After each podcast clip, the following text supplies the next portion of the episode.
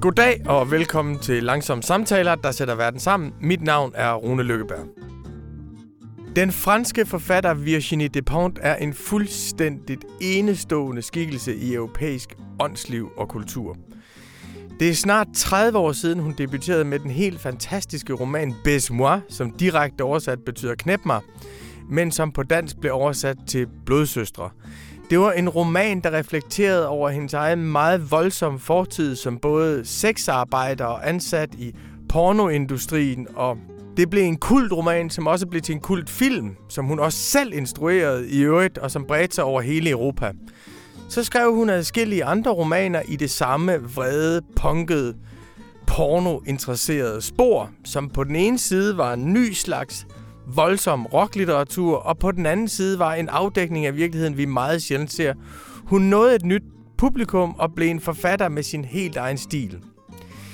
I 2006 der udgav hun så det feministiske manifest, som på dansk kom til at hedde King Kong og Kvinden, som er en voldsomt aggressiv besyngelse af kvindekønnet og kvindens frihed til at realisere sig selv, hvor hun for første gang selv skrev om den gruppevoldtægt, hun var udsat for som ung. Hun reflekterede over sin tid som prostitueret og kom med nogle råd til, hvordan man skulle gribe det hele an.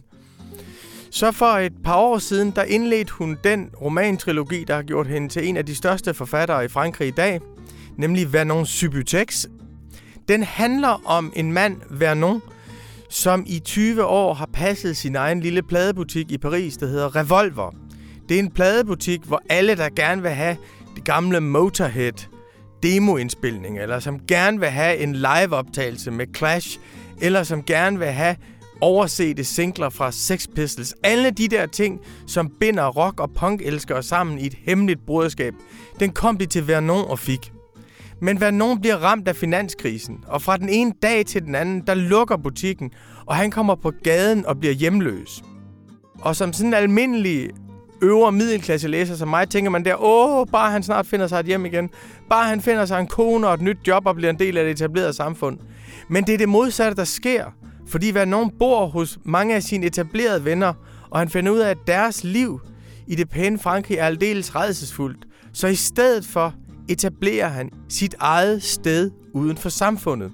Han bliver en guru for en slags fredsbevægelse midt i det kapitalistiske samfund, hvor mange af dem, han har besøgt, de bliver trukket ud af deres pæne lejligheder og foretrækker at leve sammen med ham. Historien om Vernon Subutex er også en historie om transformation af rockbevægelsen, der startede med at være en vredesbevægelse, og som med ham bliver til et sted uden for samfundet, hvor man finder fred, hvor man finder stabilitet, og hvor man genfinder sin menneskelighed. Det er også et projekt for en helt ny venstrefløj. Det har været nogle af de mest vanvittige bøger for mig at læse, både Moi, King Kong og Kvinden og Vernon Subutex-trilogien. Så det er en meget stor fornøjelse, at jeg denne her gang har fået mulighed for at spørge Virginie Despentes om det hele, og hun fortæller selv om vandringen fra besyngelsen af vrede til at tro på fred. Good evening and welcome to our viewers here in Denmark. I am Rune Lykkeberg from Information and especially good evening and welcome to you Virginie Despentes who's with us from Paris. Good evening. I was always very curious about your style, the, your way of writing, because it seems so influenced by American popular culture. There's very strong cinematic. I, I, think there's an element of American cinema noir, and of course, also punk rock was also always also um, a, a, part of it. And and in your latest book, Vernon Subutex, that's just translated into Danish, I read it almost like a TV series. So how did you come up with this very unique way of writing? Well, first of all, I, I don't come out of university at all I'm, or any academic uh, field. I really come out of punk music, hip hop music, uh, American cinema, yes, certainly, and a very popular culture, but very rock culture. So I was writing, I was writing without knowing what literature was. Uh, so it allowed me to be quite free with my and to search for a, a rhythm and a flow because I was really used to um, listen the songs so many times that I really knew the lyrics. So I, am I'm, I'm always look I'm I'm trying to uh, and sometimes I hope I succeed um, to get a rhythm in what I write. But it also appears to me more and more over the years that you're also a very, very well-read writer. That you've read a lot. Also, it seems there's a lot of literature all the way from Bukowski, who's obviously an inspiration, but other mm-hmm. writers as well. Yeah, I'm a huge reader and the same because i'm not uh, an academic i don't uh, I, i've got no shame uh, with books you know i can open whatever books i don't feel embarrassed uh, reading anything so I, I read a lot I, I, read especially and i think it shows in what i write a lot of 19th uh, century novels. I read a lot of french 19th century novels but also russians americans and i'm so it's kind of a collusion between something very traditional uh, and the very punk rock culture that uh, that was in the 80s and 90s hardcore hip hop i'm really listening a lot of hip hop also. I'm very curious about how young people write the, the language in hip hop so it, it, there is a collusion i know there is a collusion in what i write between a very classical uh, culture because at, at, the end I have a culture and something very mm, uh, contemporary. Yeah. Some years ago, I think it's about 15 years ago, you, you wrote the book uh, King Kong and Theory. It's translated into Danish as well. It's called in Danish King Kong and the Woman, King Kong or Kvinden to our Danish. Uh, and and it's a it's a stunning book. It's a very very very good book. I, now there's so much discussion about the gender equality, and there's so many feminist manifestos out there, and I would recommend anyone to uh, to, to, read it. It's such an important book, and also very challenging for our times. I, I, I, I think. Could you? What was the story behind that book? Uh, the story behind the book, there are two stories, but the main story was we, we made a movie uh, 20 years ago that was uh, Baise-moi, uh, uh, and that was censored in France and it made us big publicity. So we really made a world tour with the movie. There were two of us making the movie and we were discussing for one whole year about rape, violence and womanhood, uh, prostitution, pornography, and it really made me, you know, we, we made a lot of interviews. So you, you come up with ideas because you're always talking to journalists and we were also um, talking a lot between me and Coralie, the girl I made the movie with. And at the same time, I was engaged in a story with a man, and he had a, a daughter, and the daughter was um, 13 years old. So I was talking with her, and I was watching what she was watching on MTV, what she was watching uh, on TV in general, in movie, what music she was listening. And I thought gender is really a big um, a big topic for the youth, the teenagers, um, uh, and no one was talking to her anymore about feminism. So I thought I'm going to make a book about my rape, my experience of prostitution, my experience in pornography with Baise-moi, um, my thoughts about violence, because I've been talking so much about violence and womanhood and censorship and I'm going to make a, a short book for young people. So someone try to talk to young girls about feminism. And 10 years ago, it was not really fashionable, especially in France. Feminism was really over. We didn't yeah. need it anymore. It was, and so um, the book came up, and to my publisher, big surprise, it was immediately um, a big a big thing in France and very welcome, which was my surprise also because it was not first uh, attacked. It was really like, okay, we want to talk about those subjects and we want to talk about rape and we want to talk about sexuality and prostitution on different uh, feminist point of views. Yeah, because it's really pro-sex feminism. It's really the, the feminism of um, Annie Sprinkle, of Camille Paglia. Of the, there was in the 80s in America, you had a big, big struggle between two feminisms. And I was really inspired by the pro-sex feminism. Yeah. There, there's a passage in the book where you describe, I think you're you're riding a train and you're going to a concert. And then you read maybe a, an article or an interview with Camille Paglia, the American feminist and and she she writes something or says something that was stu- stunning to you when you read it, but it was absolutely shocking to me when when I read, and it had a transformative effect on you. What what was it that she wrote originally? Uh, she, she was writing, it was an article, I didn't know Camille Paglia at this time. It was an article about football. So it has nothing to do with football. But suddenly she was saying, uh, when you get raped, uh, you have to see yourself uh, um, like a soldier. Just get up and and do do do what you have to do. Don't uh, don't victimize. And at this time, when I read it, no one was even really talking about rape. Rape was something you didn't talk about it. Now it's difficult to imagine this uh, uh, that uh, 20 years ago because that occurred more than 20 years ago. And to me, it was first a shock of rage, like how can you say something like that as a rape, uh, as a person having been raped? I thought it was really harsh. But then it kind of helped me a lot to what to decide to deal with my rape in other ways. And I started uh, first to write about rape a lot, um, to talk uh, about rape in a different way in feminist groups. And it really, to me, it was really something that helped me a lot. And that really is an inspiration in the book. I'm not sure I'm I agree with Camille Paglia about many things now because times have changed and she changed a lot. But at this time, it was really an inspiration for me and um, uh, something that helped me uh, incredibly. I think what was uh, scandalous to me as a man reading it was the fact that you said that being a woman out in public instead of sitting home with my parents and polishing the nails is always running the risk of being raped.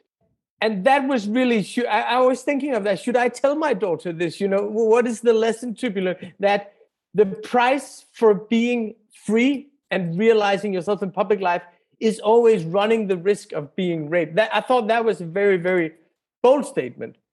And that's true I think it was true at the time, but now that we are talking more and more about uh, who have been raped, uh, we know that it is true because uh, there there are uh, a lot of rapists out of there. So you have to, yeah, it's a risk you run, and um, which doesn't mean I'm not, for example, about the Me Too things. I am very careful to listen to what the women uh, have to say and very respectful of uh, what they have to say and how they want to deal with it or how they are able to deal with it.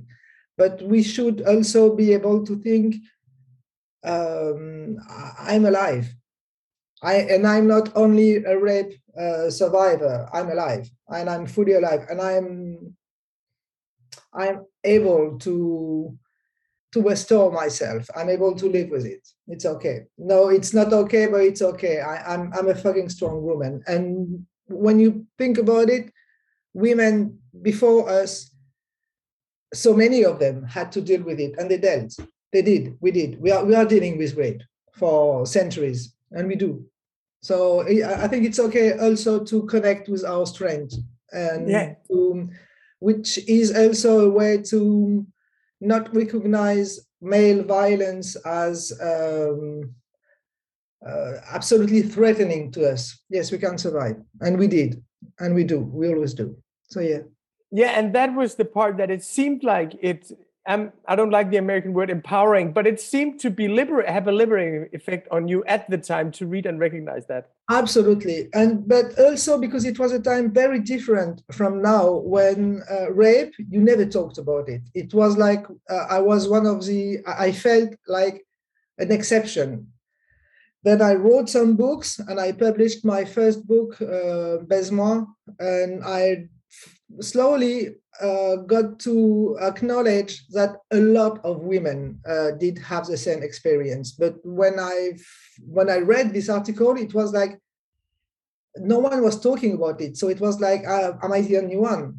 Am I one, uh, you know, the, the one in my town who have been raped? Because it was really a silence around it. Now, now the silence is over. The silent time is over. So we are in it's a different era. And I'm surprised because King Kong Theory, this book you're talking about, is still uh, very much read by young women. And I feel very uh, lucky and proud and but surprised also because now there are so many, so many new books that have been written and published that uh, I don't really see what they can find in it, but I'm happy. I would recommend it to anyone because I think there's a lot at stake in the book. So, so there's another. There was another thing in the book that was really striking to me at the time. It was the link between becoming a writer and prostitution. That you said that prostitution and literature for you were kind of connected to me it was connected it was connected first because i started to write uh, while being a sex worker so it was kind of the same time in my life but also it's connected because it's public when you publish uh, novels or articles you become very public. And i think as a woman you have a work to do about it because it's not so natural to be public as a woman but you also give something very private to anyone who, who want to open your book. And and there is also uh, in in my country in france i'm a mainstream writer now so i'm a lot in television radio and this experience of public publicity yes is very close to me la, yeah to there is something you, you sell something of yourself you, you you lose something you sell something and it's okay but uh, you have to understand that yeah you sell something that is very dear to you, which is your privacy, which is your uh, anonymity, uh, the, the, the uh, your privacy. You sell privacy. I sell privacy. I know. yeah, and you put a lot. Uh, it, it's part of your work that it's out there and for everyone. We're talking about your private life now, for, for instance. So, yeah. I, I think you must have made a very some very brave decisions during your work as a writer because when you came out, you were like a cult writer. You had and a readership that really adored your, your book. And that was, I imagine, but I was reading it alone here in Denmark, but I imagine that there was a punk uh, literature uh, audience somewhere. And I saw that it was on the posters throughout Europe, actually, your, your, your movie. And then you kind of left this way of writing, and, and your new, very, very big work, Vernon Subutex, is a completely different way of, of, of writing. It's like you left the style that made you successful and, and turned into a whole another way of writing literature?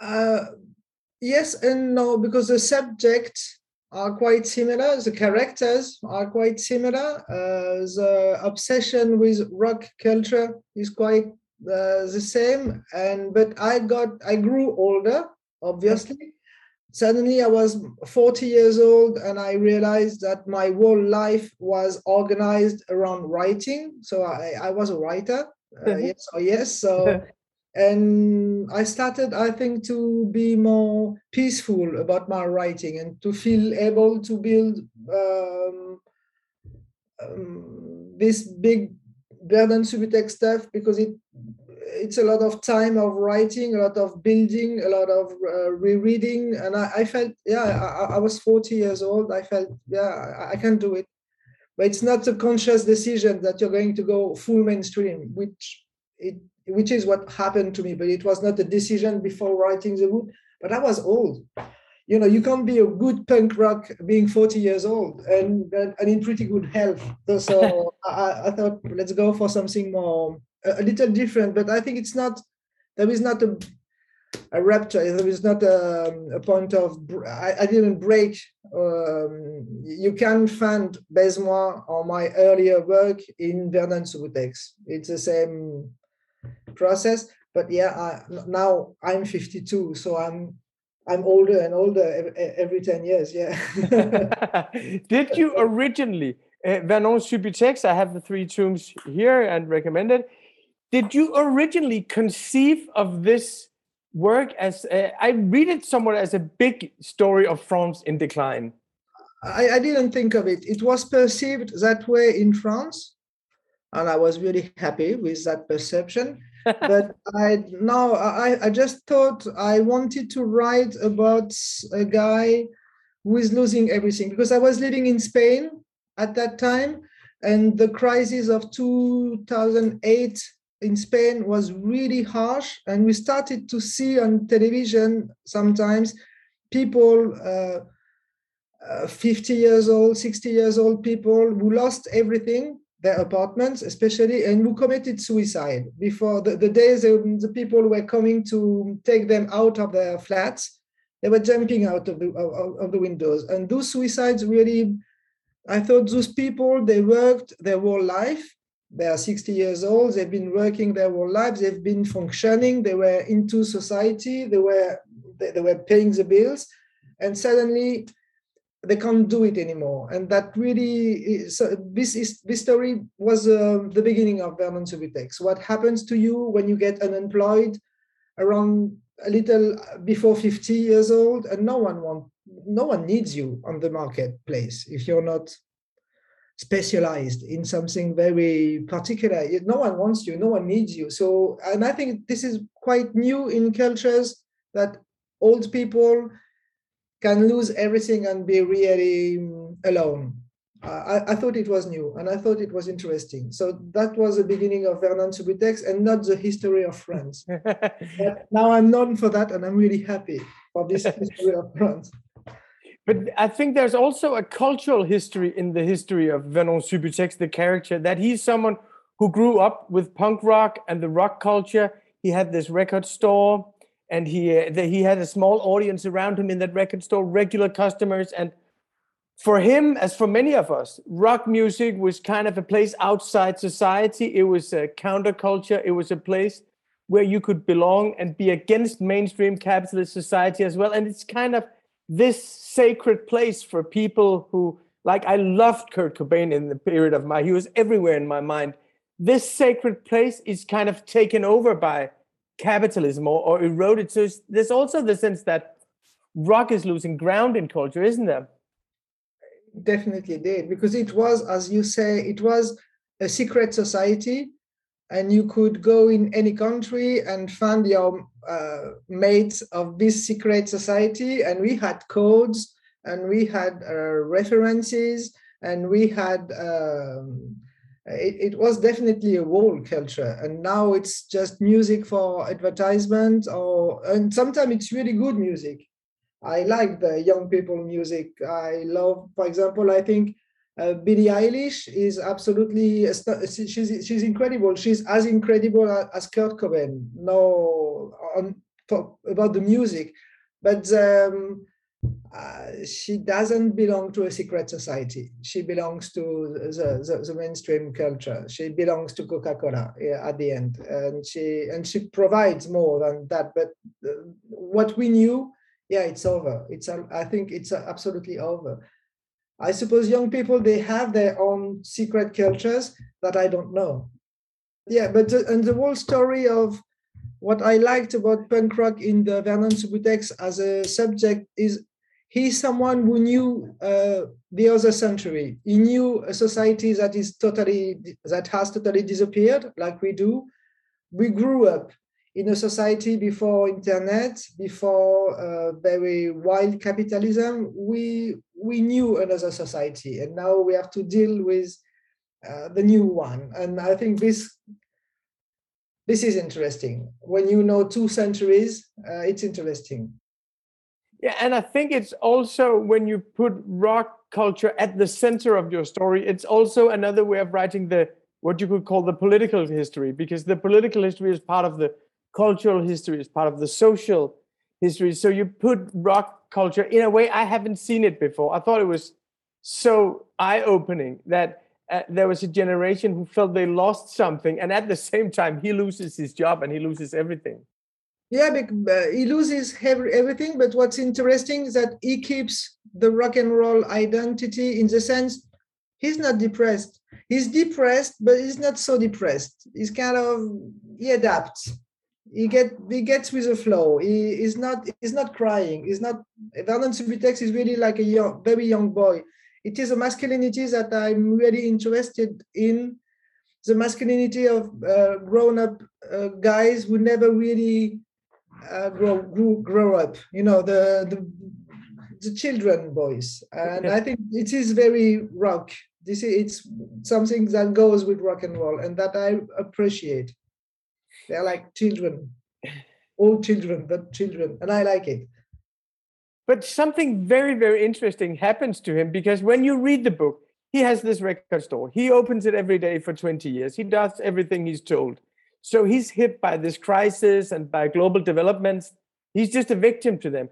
And then he's kind of excluded from society. And as a reader, especially as an upper class, upper middle class reader like me, the first 100 pages, I was just hoping he would meet a girl and get a new job and get an apartment. You know, yeah, I don't like him being homeless. But another thing happens that he actually establishes a new place outside society being homeless.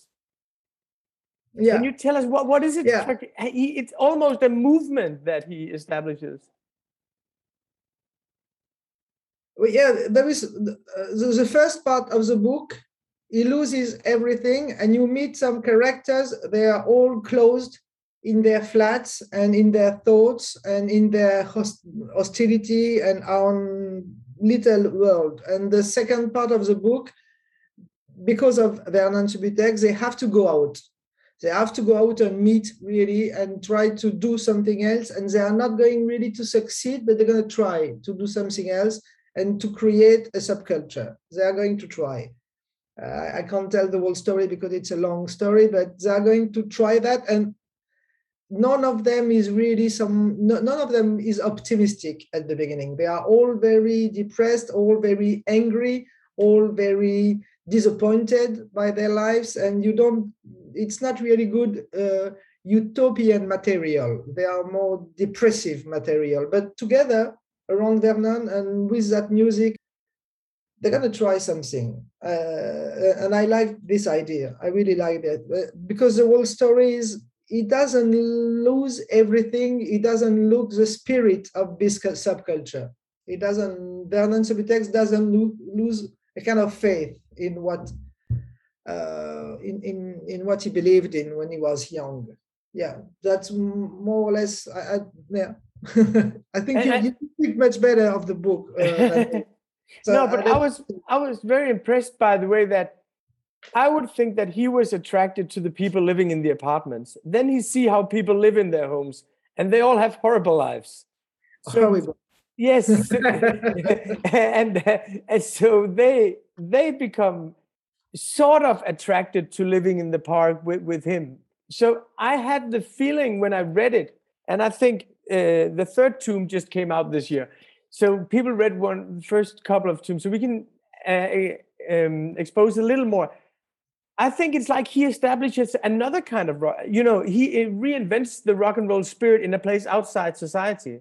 Oh, even worse, he is like a hippie yes. Really like uh, he's like he's living like a hippie and they all they all go into this hippie experience and they're not hippies at the beginning.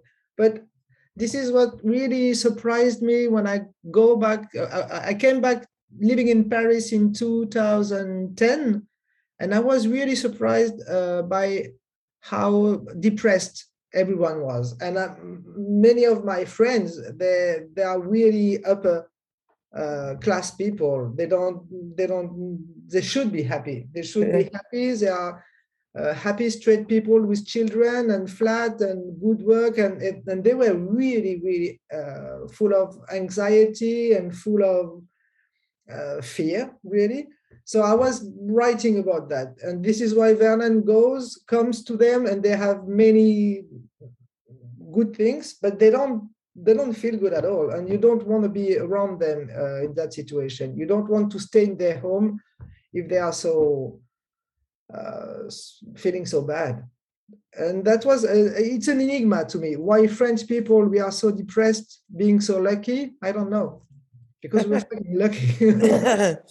How uh, uh, when you, when we look at France from the outside, like like I do, and I think most of our listeners and viewers, maybe they come to Bretagne once every five years, or they take the train to Paris, or when you look at France from the outside, it seems to me an incredibly divided country. That you have luxury, shining buildings, very beautiful people in some parts of, of, of, of the country, and then it's like other parts of the country are not at all connected with it. After we stop flying, I take the train everywhere, and that's very interesting because you get to see all the places between, you know, the shining big cities. So I don't think of France as a lucky country, but as a it used to be because this is really new that we have really misery uh, in France. It's quite it came it came slowly, but it's new. Uh, I, I, grew up in a France uh, where where we were lucky, and this is a, and some of many of us. If you compare France to Spain, we are really lucky and really protected and really or we used to be but up to this day we are really lucky if you compare us to greece because i, I went to greece and how the crisis really destroyed some nation it was not our case we were not destroyed but as you say some there is a new france that is emerging that uh, it's new to me for example it still is new to, to see so, so much misery uh, so much poverty around me. It's new. Uh, so shameless uh, misery. It's new. There's another transition in your book that I was very curious about. That rage and anger was always central to rock music. That is a way of expressing yourself. That you're most true to yourself when you're when you're raging or when you're angry. This is what I grew up with. You know that this is when you're true, and everything else is a lie. And it seems that Vernon Subutex, he finds another way uh, in the end that he's extremely peaceful and he is attracting people because he's tranquil. And I was thinking of, you know, this French movie Les Miserables that came out a couple of years ago, but there is a line in the in the banlieue. There's a there's a policeman who says to the young kids, he says, "What did rage ever do to you in 2002?" There's this sense that rage is not working for us that as a counterculture and as a protest, we must kind of transcend rage. Is that kind of an experience for Vernon Subutex as well? It's an experience for me. I, I think rage is, uh, I understand it. Uh, first of all, because it's, I think it's a young people feeling. And I think you, you lose it with, with the time uh, sometimes, or the physical rage, you, you lose it so i'm not judging but i see i'm 52 years old now and i see that i haven't seen anything good ever won by uh, rage political rage for example. I, I haven't seen anything positive. I, i've seen positive things happening.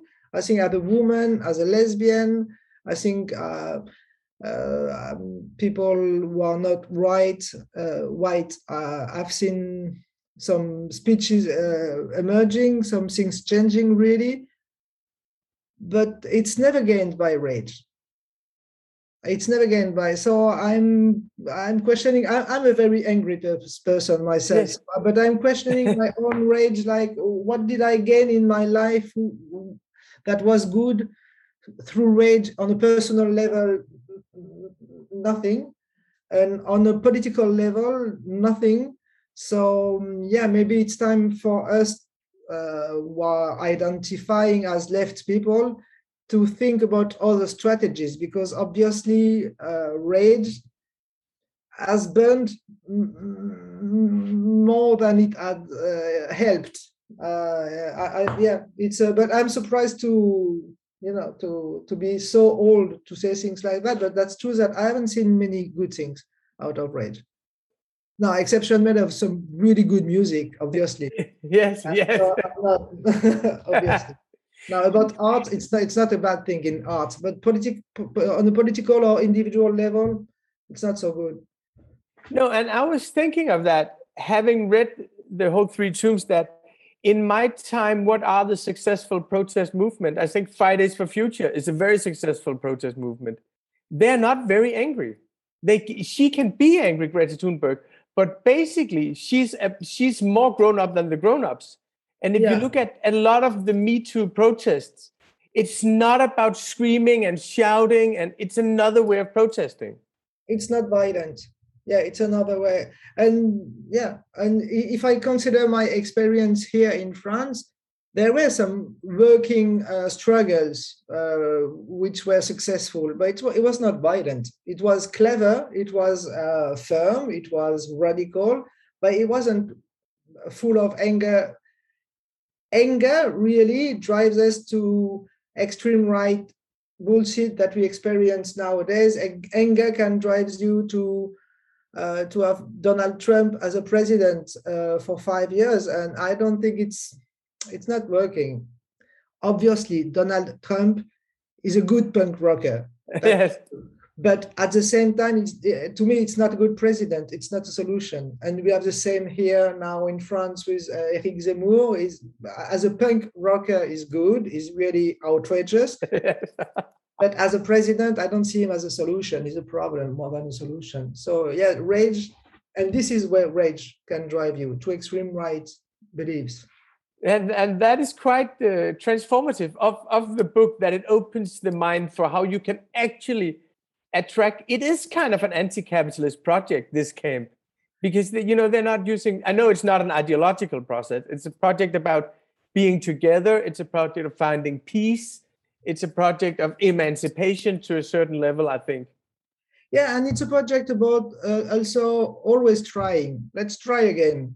Yes. We failed a lot, that's true, but let's try again because I mean we are alive. Let's try again. Uh, it's about it, it's not okay, we're gonna be losers because we're gonna we're gonna we're gonna fail. It's not important. Let's try again. Let's try to be good again. Let's try to be happy together again. Let's try again. Uh, yeah, I think why not? There's kind of a dual atmosphere in the book. On the one hand, there are a lot of almost uh, socialist criticisms of capitalism, how it works, how people don't have a job, they don't have any uh, security. And there's this sense of kind of a social pessimism in the book that the economy is betraying ordinary people and people are feeling helpless and homeless. And even those who succeed are unhappy. But on the other hand, then, and this is, I think, the genius of this grand narrative is there's a lot of hope in the book. It's there's a lot of okay, society is fucked up, but we have a lot of human resources. We have a lot of things we can do together. Yeah. How, how is this balance for you? Uh, I suppose it's my. I'm optimistic. I'm very mm, anxious person with big optimism. I'm uh, because I don't see no what else. You know, we have to be optimistic because if we and I suppose I, I I don't have children, but everybody around around me made children. So I have a lot of young people uh, in my circles, and I, uh, they have to do something. You know, so people have to be useful to something. They are here to, like the Greta Thunberg, to to rise, to do something else. I suppose it's possible. I don't know. I don't know if I really believe in it, but I I feel uh, there is an optimism coming back in me. I, I don't know why. no, but I think you know when you're when you're looking at the world and think everything is going wrong, there's always a lot of things you're not seeing. So there's if you have this is the conclusion about the world, you're always stupid. You know, there's always a lot of things you don't see, and that's where there's a lot of hope, I think.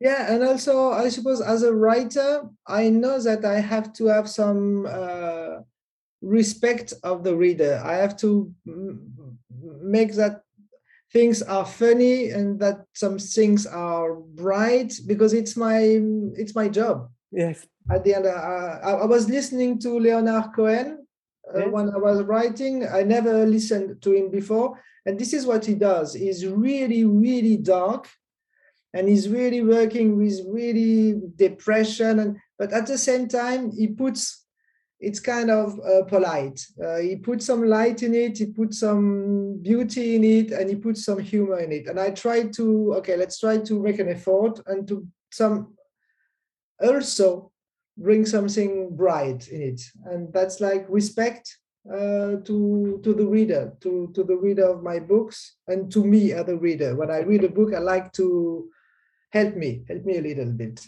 please. and we definitely get that out of the book. I want to ask you about now we don't have a lot of time about the French election because when we are looking at France from here, you know, we're always when I was a little child, we were expecting so much from François Mitterrand. He was the socialist going up against the, the stupid Margaret Thatcher and Helmut Kohl and Ronald Reagan. So you know, there's always the hope in French politics and we expected a lot from Emmanuel Macron, and we were disappointed like after three minutes. But we expected a we expected a lot from him. And now looking at it, as a leftist from Denmark, you have Eric Zemmour, the intellectual, who seems even more right wing than Marine Le Pen, who's always also a nationalist. And then you have this new kind of liberal, tolerant, neoliberalist, capitalist, rich friend Macron. What, what kind of election is this? Um, it's not played. I mean, I'm.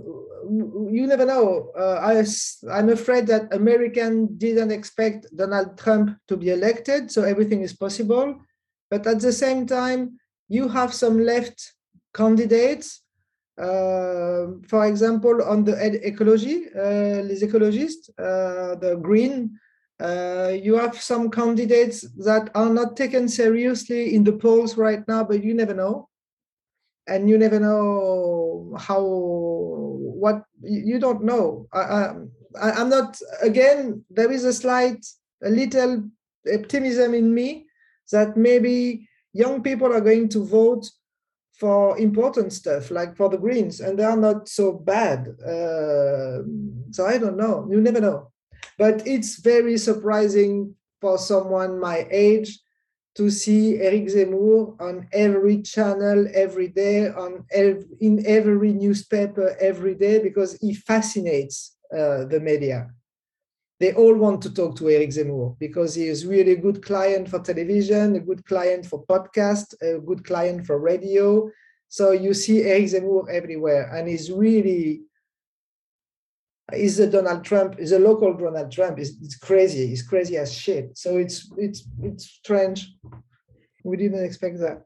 If you should explain, because he's a phenomenon that I think we have a very hard time connecting with here in Denmark. You know, basically we're all social democrats, so we get a little scared about. So, so how, what is the attraction of Eric Zemmour? First of all, in France, he's built. It's been 15 years that uh, he's employed on national television. That uh, he works on television, he writes in national newspapers, and he speaks on radios. So it's 15 years of Eric Zemmour building himself. It's not it's not popping out of a box. It's a it's a building of I don't know why uh, I don't know why French elite became so fascinated by the extreme right, but it's really uh, a, a, Jewish Nazi, which is a strange new product of uh, uh, I don't know of extreme right. Now you have this. Uh, I don't know. I mean, it, it's strange, but I think something wrong uh, there was like a reaction about 10 years ago. It was like uh, if the wealthy people really wanted racism anti-semitism uh, misogynistic um, homophobic views to be really represented on television every day. And at the end it works. If you take that and you put it with facebook uh, yes. and twitters and you couple the two it's a big catastrophe because yeah Eric Zemmour, the people who are supported him, supporting him, they are very active on social networks. So yeah, now we have that, but he's not he's not elected yet, and maybe I hope there could be a surprise, a good surprise. But it seems outside of politics in France that you've seen some real progress over the last couple of years with sexual liberation, with Me Too movement. With how do you see this? Because again, looking i think a lot of people in denmark they we really like that the french are not like the americans. You know that, that there is a real understanding in france that liberty of expression is important. That really that liberty of expression is important. On the other hand i think we're also quite terrified of the tolerance all the way from dominique strauss-kahn uh, when we realized and i know you wrote about it 10 years ago but you know when you realized that he could have become a socialist president and people knew that he was abusing women and there was this myth that well just journalists shouldn't interfere with people's private lives. So on one hand we admire the freedom of expression in france. On the other hand i think we have the sensation at least i do have that i'm horrified by what has been tolerated by sexual abuse in france. I'm more i'm french so i'm more sensitive to the uh, we tolerate a lot of abuse we do uh, uh, against women and also racist abuse. We are, and we are not so keen on freedom of expression. I mean, about sexuality, for example, we have not made any progress since the 70s. Everything is forbidden. You can't make a pornographic movie, for example, and you can't touch that law. But that's very important because that is really, we should be able to express ourselves about sexuality. Uh, if we are French and it's so important for us, we should be able to see yeah. someone holding a dick in a movie without fainting, and you know, but we are not. So we are not so. The only freedom of expression that mattered to us those ultimate uh, 10 years was uh, of racism and uh, abuse against women uh, we like also uh, everything about against gay people, and I think now our only obsession is to be able to speak more freely about anti-Semitism. But uh, the real, what really is uh, freedom of expression, well, it's not anymore our game, because okay. many things are forbidden in reality, and you can't talk about sex in France, so it's not freedom of expression. But it will change it's a bad you know it's a bad decade and it, yeah. it will get better. Thank you so much Virginie Despentes thank you for talking to us. It's been such a pleasure. Ah, thank you. It was really nice. Thank you. Bye bye. Det var så vores franske forfatter Virginie Despentes.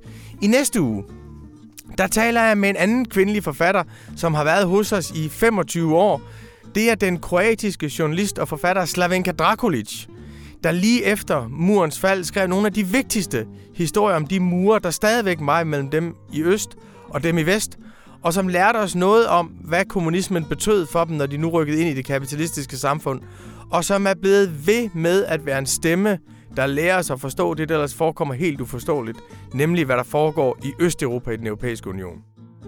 Jeg håber, vi høres ved.